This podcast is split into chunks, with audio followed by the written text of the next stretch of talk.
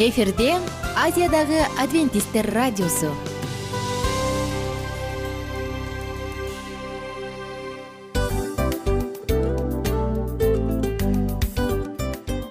Достор салют. Баардык сүйүктүү угармандарыбызга салам айтабыз. Кутман күнүңүздөр менен.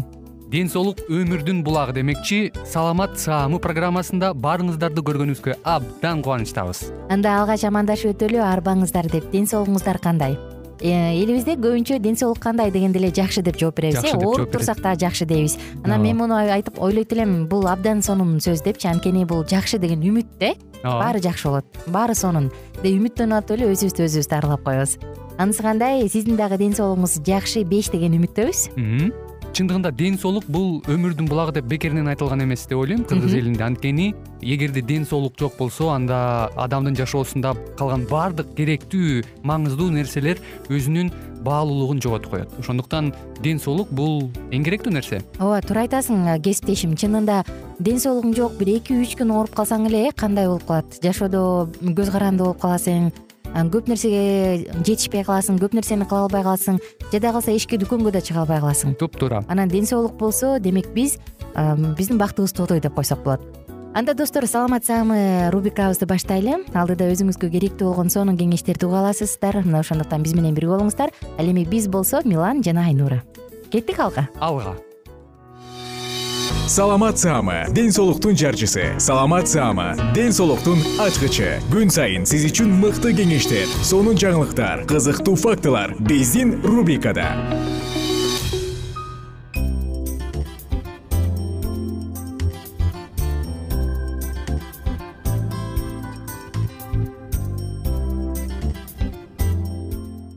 салам достор. Баардык угармандарыбызга ысык салам айтып сиздер менен кайрадан саламат саамы радио баракчасындабыз. Жана бүгүнкү темабыз тамактын ордуна смузи ичүү деп аталат. Тамактын ордуна смузи ичүү деп аталат.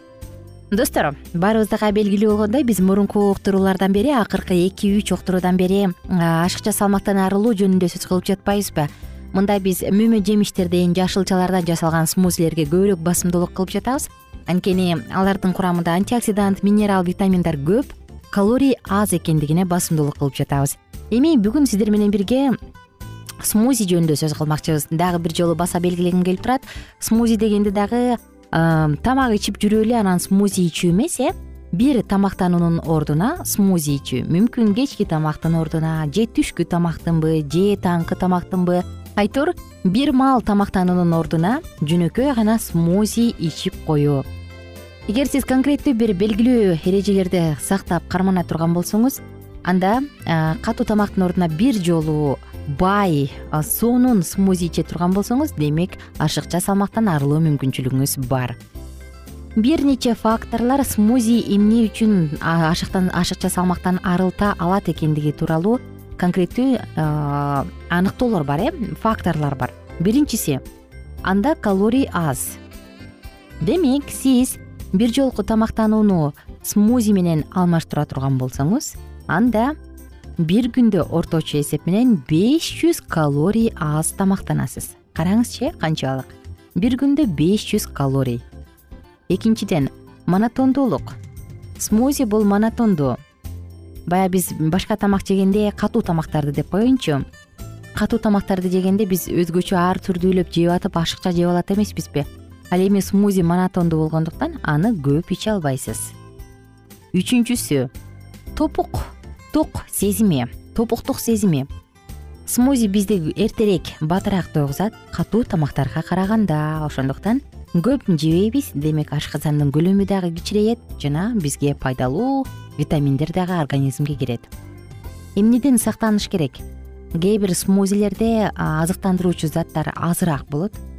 Эми жетишсиз деп айткандан алыспыз бирок азыраак болот. Ошол учурда эгерде сиз конкреттүү строго диета сактай турган болсоңуз бул нерсени эске алыңыз. Жана ошондой эле биз сунуштаган ингредиенттерди колдонууда алардын азыктандыруучу баалуулугуна дагы көз салуу маанилүү ошондой эле дагы эмнеден алдын алып же эмнени эске тутуш керек эмнени эстей жүрүш керек? Смузини пайдалануу сөзсүз түрдө эле баягы туура эмес тамактануудан улам болбошу керек. Мунун негизги максаты ашыкча салмактан арылуу болгону жакшы. Мына ошондуктан эгерде сиз кайсы бир тамактанууну смузи менен алмаштыра турган болсоңуз анда башка салмакты көбөйтүүчү башка нерселерден дагы баш тартыңыз. Мисалы тамактар учурунда эртең мененки түшкү кечки тамак учурунда баягы перекус кылып бир нерсени шам шум этип жеп кайуу мейли ал мүмкүн таттуу бир даана конфет болобу пряник печенье болобу. Дал ушундай шам шум этүүлөрдөн толугу менен баш тартыңыз. Эми практикалык кеңештерди бере турган болсок смузини кантип бир жолку тамактануунун ордуна ичсе болот? Өзүңүзгө ошол тамактанууңузга негизи бир күндүк бир күндүк рационуңузга бийик калориялуу белокторду тофу йогурт же соя кошуңуз бир күндүккө. Экинчиден смузини пайдалуу мыкты азык түлүктөр менен бай кылыңыз. Смузини кантип бай жана пайдалуу кылса болот? Бул тууралуу биз кийинки уктурууда сөз кылабыз. Үчүнчүдөн смузиге кумшекер кошпоңуз. Эгер таттуу кылгыңыз келсе стевия сыяктуу бир нерсе кошуңуз бирок эч качан чакмакташылган жана калориясы көп болгон кум шекерлерди кошпоңуз. Жашыл смузилер мөмө жемиштерден жасалабы жашылчалардан жасалабы алар белоктун курамы болуп саналат. Мына ошондуктан бир күндүк катуу тамактын тамактануунун ордун толугу менен баса алат. Достор биз өзгөчө кандай тамактанабыз? Эртең менен жумушка кетип атканда окууга кетип атканда чала була суу ичип чала була чай ичип алып жөнөйбүз түшкү тамакта бир аз жейбиз кечинде жумуштан келгенден кийин апабыз даамдуу тамак жасап коет анан отурабыз дагы. Бир чойто жейбиз анан бир аздан кийин жатып калабыз. Албетте мындай тамактануунун графиги өзү туура эмес. Баягы чет элдик адамдар айтып коет экен таңкы тамакта дейт. Корольдой падышадай тамактан. Баардык тамагыңды тыпырайтып жейсиң. Түшкү тамакты досуң менен бөлүш дейт. Тагыраак айтканда өтө көп жебе. Ал эми кечки тамакта кедей эң жарды адамдай тамактан дейт. Аз эле өлчөмдө бул бизге салмагыбызды туура контролдоп туура кармаганга дагы жардам берет. Өзү эле айтып тургандай башында темабызды айтканда ар кандай ичүүчү диеталар бар. Мейли айранбы шорпо көк чай шире жада калса жөнөкөй суу менен дагы арыктоо ыкмасы булардын баардыгы ушул суюктукту колдонууга негизделген. Ичкен диета учурунда тамак аш барбы же денеге кирген нерселердин баардыгы суюк түрүндө гана болгону керекпи деген да суроо бар э? Биз жогоруда айткандай эгер сиз тез арыктагыңыз келсе анда бир күн бою жалаң суюк диетаны же тагыраак айтканда ушул мөмө смузилерди негизинде жалаң суюктуктарды ичиңиз. Эгер акырындык менен болсо бир күндүк бир маалдык тамактанууңузду дал ушул смузи сок ширелерге чай же шорполорго алмаштырсаңыз болот диета баягы ичкен диета кандайдыр бир өзгөчө жана конкреттүү диета эмес бирок тамактануу формасын аныктаган тамактануу принциби гана сизге азыктарды тандоо мүмкүнчүлүгүн берет. Башкача айтканда жогоруда айткан тамактарды азыктарды рациондорду колдонуп өзүңүзгө сонун бир диета түзүп аласыз дагы аны ичсеңиз болот. Бул учурда суу жөнүндө дагы айтышыбыз керек.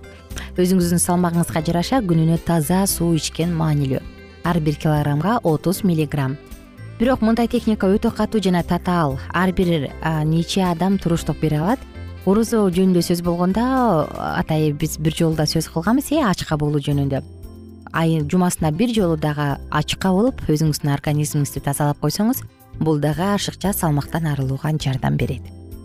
Достор мен сиздер менен коштошчу учурга келдим. Бүгүнкү күнүңүздөр көңүлдүү маанайда улансын. Бар болуңуздар бай болуңуздар оорубаңыздар өзүңүздүн ден соолугуңузга колдон келишинче кам көрүңүз.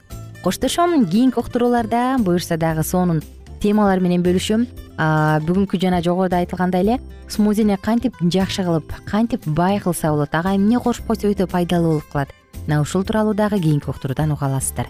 Күнүңүздөр көңүлдүү улансын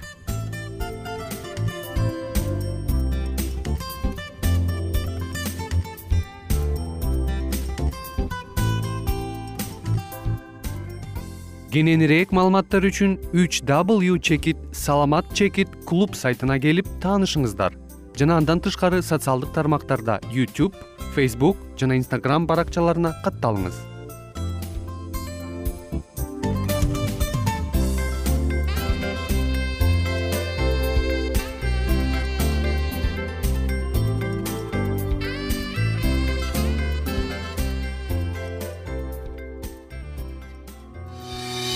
саламат саама ден соолуктун жарчысы. Саламат саама ден соолуктун ачкычы. Күн сайын сиз үчүн мыкты кеңештер сонун жаңылыктар кызыктуу фактылар биздин рубрикада.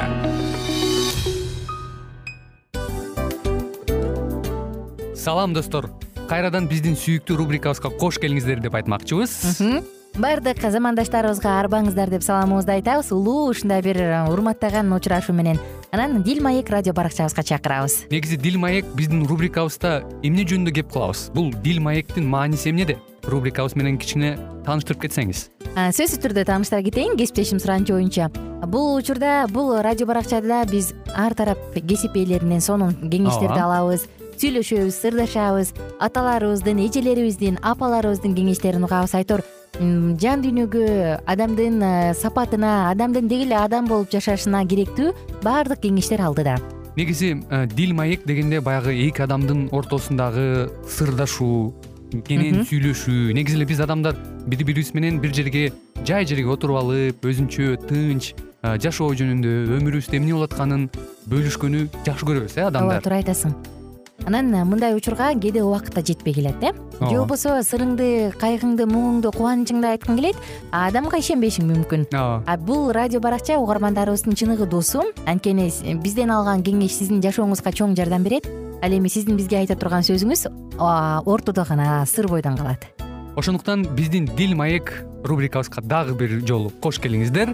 Жана биз даярдаган маалыматтарга даяр болуңуздар.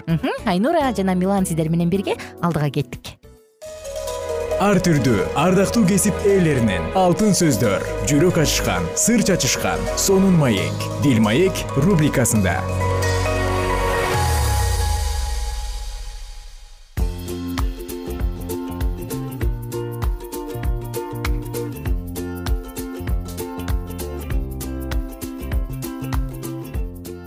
күнүңүздөр менен достор баарыңыздарга ысык салам айтабыз. Жана сиздер менен бирге жагымдуу саатыбызды баштадык. Дил маек радио баракчасы. Биз бул циклда баарлашуу тууралуу сөз кылып жатканбыз. Жана эске салсам коногубуз бар үй бүлөлүк кеңешчи жана коуч тренер бактыгүл маңыбаева эжеке өстөрүбүздө. Дагы бир жолу саламатсызбы? Саламатчылык кутман нурбек бактыгүл эже мени абдан таң калтырып атат. Мен да таң калып и анан кантебиз деп атабыз э бул уктурада биз ушул баарлашуу жөнүндө сөз кылып атпадык белек мурунку уктурууларда сиз подвал жөнүндө айтып бергенсиз. Ал баягы жалпы саясат ушак адамга негативдүү эмоцияларды жараткан нерселер деп. Биринчи кабатта болгону гана учурашуу менен чектелет деп. Экинчи кабат маалымат берүү деп э баратам келатам мынчада келем эмне алып келейин деген сыяктуу кыска сүйлөшүүлөр. Анан үчүнчү этажга келгенбиз ой бөлүшүү деп. Анан ушул жерден көпчүлүк жубайларда ой бөлүшүүдө сөзсүз түрдө эки башка көз караш талаш тартыштар болот эмеспи? Анда кандай кылыш керек? Анан э, бактыгүл эже мурунку уктурууда ошо келип аткан квартиранттар жөнүндө да айтып берип менин боорумду бир сыйра эзип кеткен. Анда сөз сизде. Кутман нурбеч урматтуу угуучулар ооба. Баарлашуу чын эле бул. Жакшы нерсе ага үйрөнсөк болот. Биздин кыргыздын менталитетинде көп убакта бизде баарлашуу анча жогорку деңгээлге жетпейт э көп убакта айтып коет «Э, эми аялы Кыска. билеткен деп коет бирөөнү бирөөнүн күйөөсү билеткен деп коет анан ой бөлүшүү өтө төмөн деңгээлде анан өткөндөгүдөй айтканда эле «И, чынында ал кыска айттым ай акырын акырын шашпай ошентип десем анан күлүп калды анан бул жерде эгер күйөө аялдын ортосундагы мамиле болсо э ар бирибиз түшүнө билишибиз керек э. Көп убакта өткөндө айткандай аялдар биз эмоцияга алдырбайбыз бизде батыраак баары жакшы боло калса деп ойлойбуз. А эркектер мындай бир бир тараптуу алар көпкө ойлонот туура чечишет биз аялдар эмоцияга алдырып баарын баттан баттан жакшы кылып ийсек деп.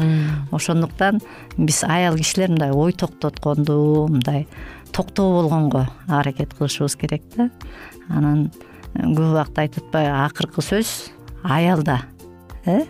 Эгер акылдуу аял болсок ооба акырын сүйлөшүп ооба сенин оюң кандай э? Бири бирибиздин оюбузду укканга аракет кылышыбыз керек да. Биздин кыргызда дагы жакшы макал бар го кулак өккө сөз бирөө деген э? Биздин макалдар абдан жакшы мындай э, иш жүзүндө тажрыйба жүзүндө колдонгон го э? Ооба бири бирибизди укканга аракет кылышыбыз керек да.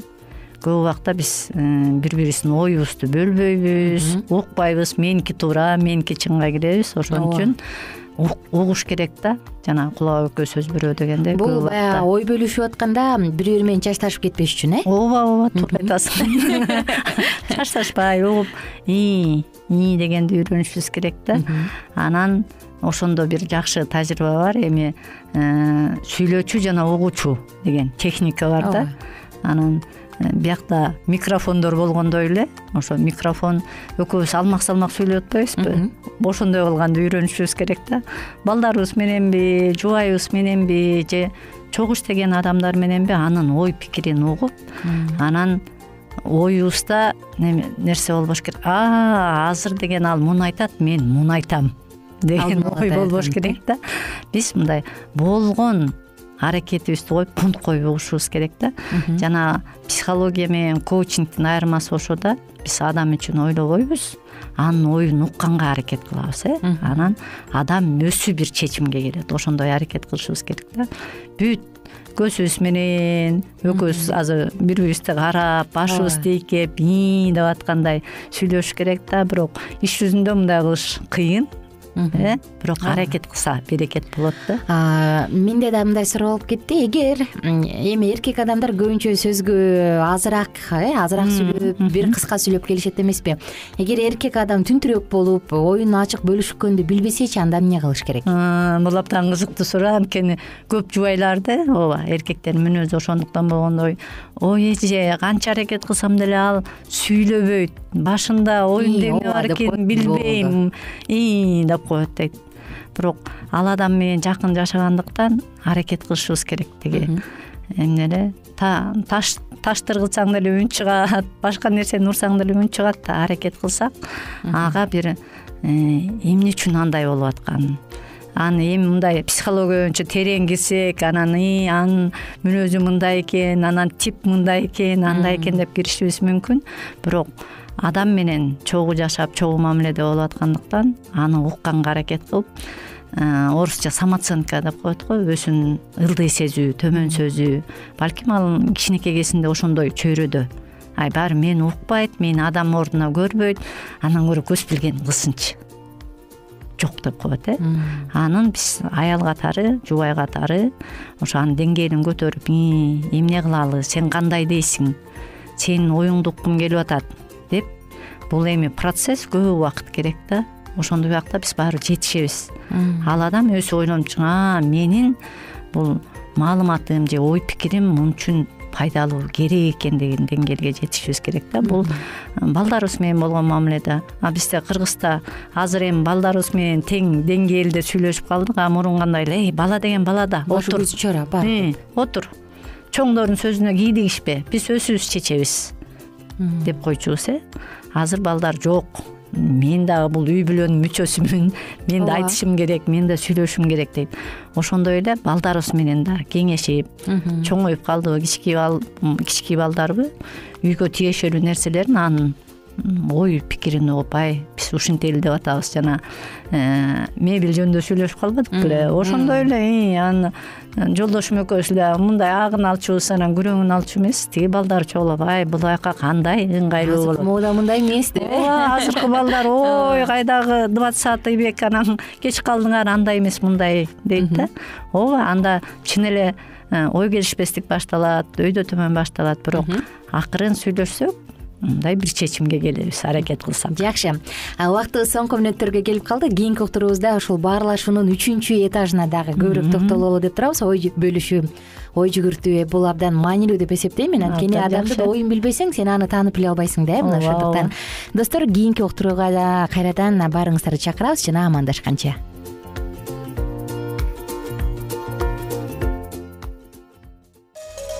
ар түрдүү ардактуу кесип ээлеринен алтын сөздөр жүрөк ачышкан сыр чачышкан сонун маек дил маек рубрикасында.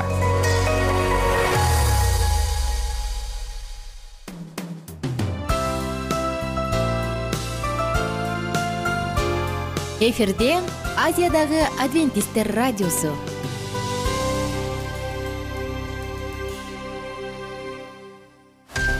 жан дүйнөңдү байыткан жүрөгүңдү азыктанткан жашооңо маңыз тартуулаган жан азык рубрикасы.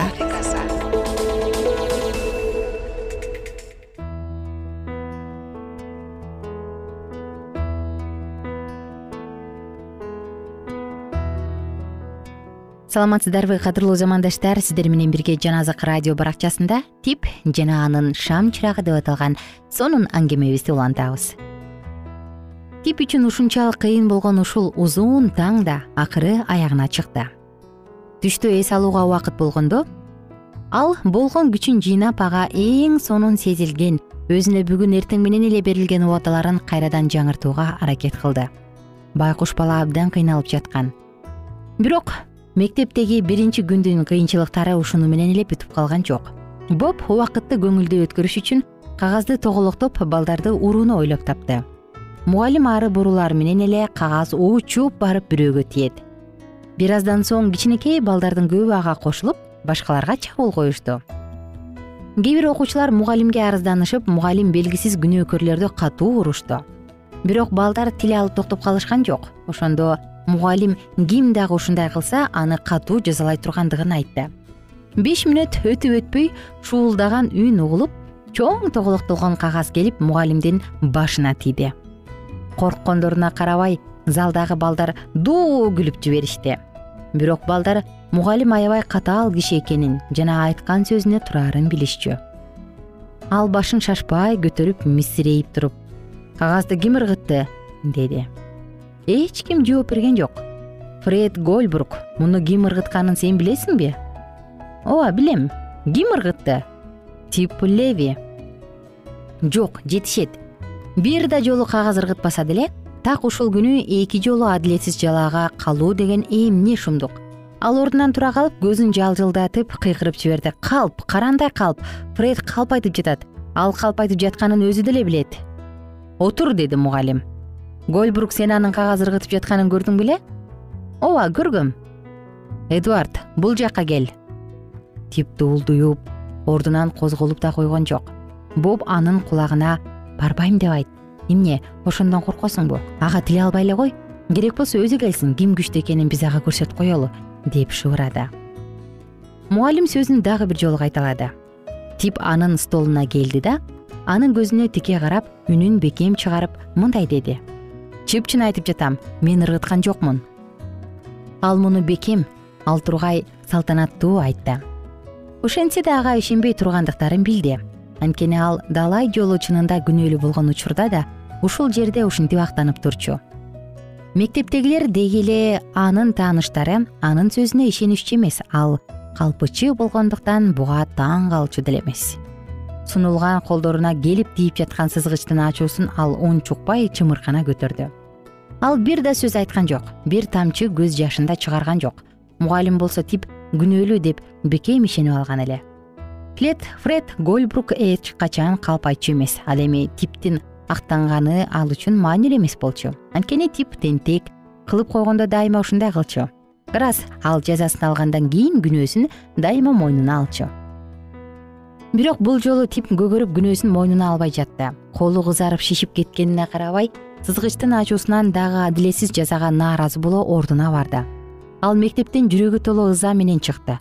Ошол учурда ага жолдошторунун баарын жек көрүп тургандай сезилди.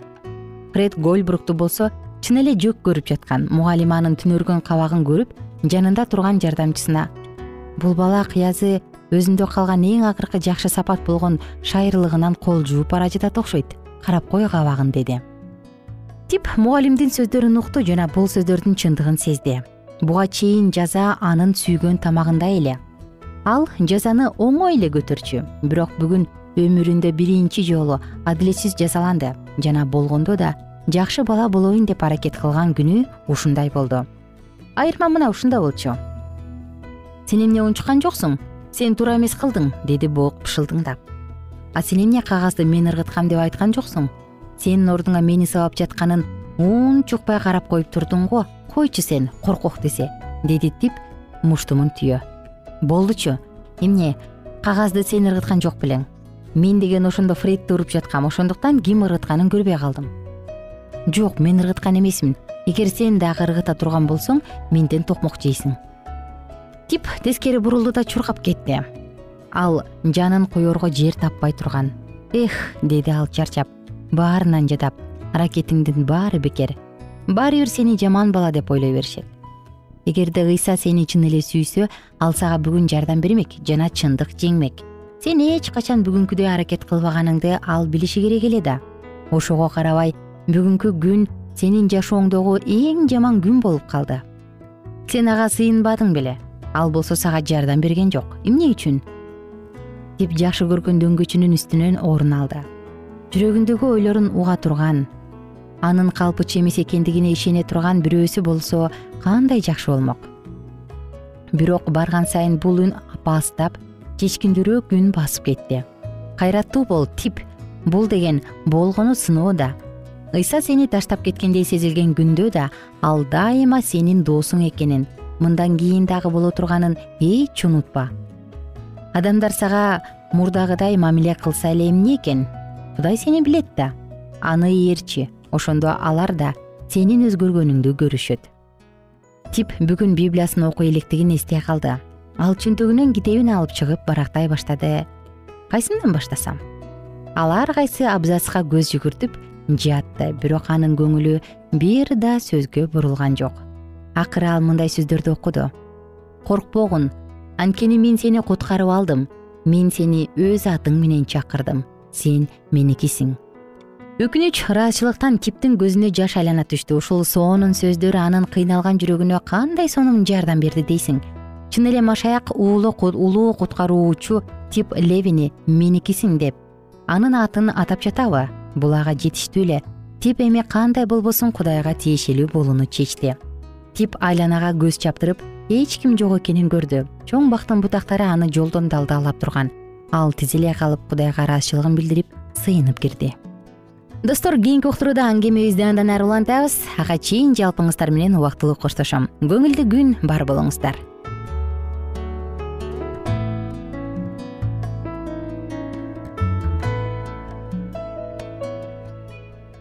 эгер сиздерде суроолор болсо же көбүрөөк маалымат билем десеңиз анда биздин whatsapp номерибизге жазыңыз. Плюс бир үч жүз бир жети жүз алтымыш алтымыш жетимиш. Кайрадан плюс бир үч жүз бир жети жүз алтымыш алтымыш жетимиш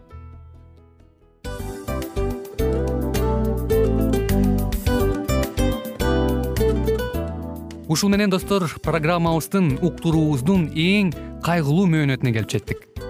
Кайгылуу дегенде ыйлагым келип кетти кесиптеш. Кадимкидей анткени баягы учурашасың анан коштошуу учур келгенде ии кантип ии мен бат баттан келиптир э сагындырбай деп атып араң коштошобуз го. Анысы кандай угармандарыбыз менен коштошчу учур келди. Кийинки уктурууларды сагыныч менен жүрөгүбүздө кусалык менен күтөбүз жалпыңыздарды анан жарым сааттык уктуруу көз ачып жумганча өтүп кетти. Сөзсүз бирок бизде жакшы кабар бар. Кийинки уктурууларыбызда сөзсүз дагы кезигишебиз. Анткени биз көптөгөн сюрприздерди кызыктуу маалыматтарды жана керектүү керектүү нерселердин көпүнчөсүн даярдадык анда угармандарыбыздын баардыгына ийгиликтүү күн каалайбыз эгерде бүгүнкү күнүңүз өзгөчө э, өтүшүн кааласаңыз анда позитивдүү ой жүгүртүп жылмайып жакындарыңызга жакшы маанай тартуулап жүрө бериңиз. Анткени сөзсүз түрдө мунун арты кайтат э? Сөзсүз. Баягы ден соолугуң оңолот ал бул деп көп нерсени санап келебиз. Эң негизгиси бул сиздин жашооңузду жаркын кыла түшөт экен. Жараткан кудай ар бирөөңүздөргө батасын берсин жашооңуз ийгиликтүү болсун сак саламатта калыңыздар деп мен милан жана кесиптешим айнура. Баардыгыңыздар менен кийинки уктурууда үн алышканча баарыңыздарга ийгилик каалайбыз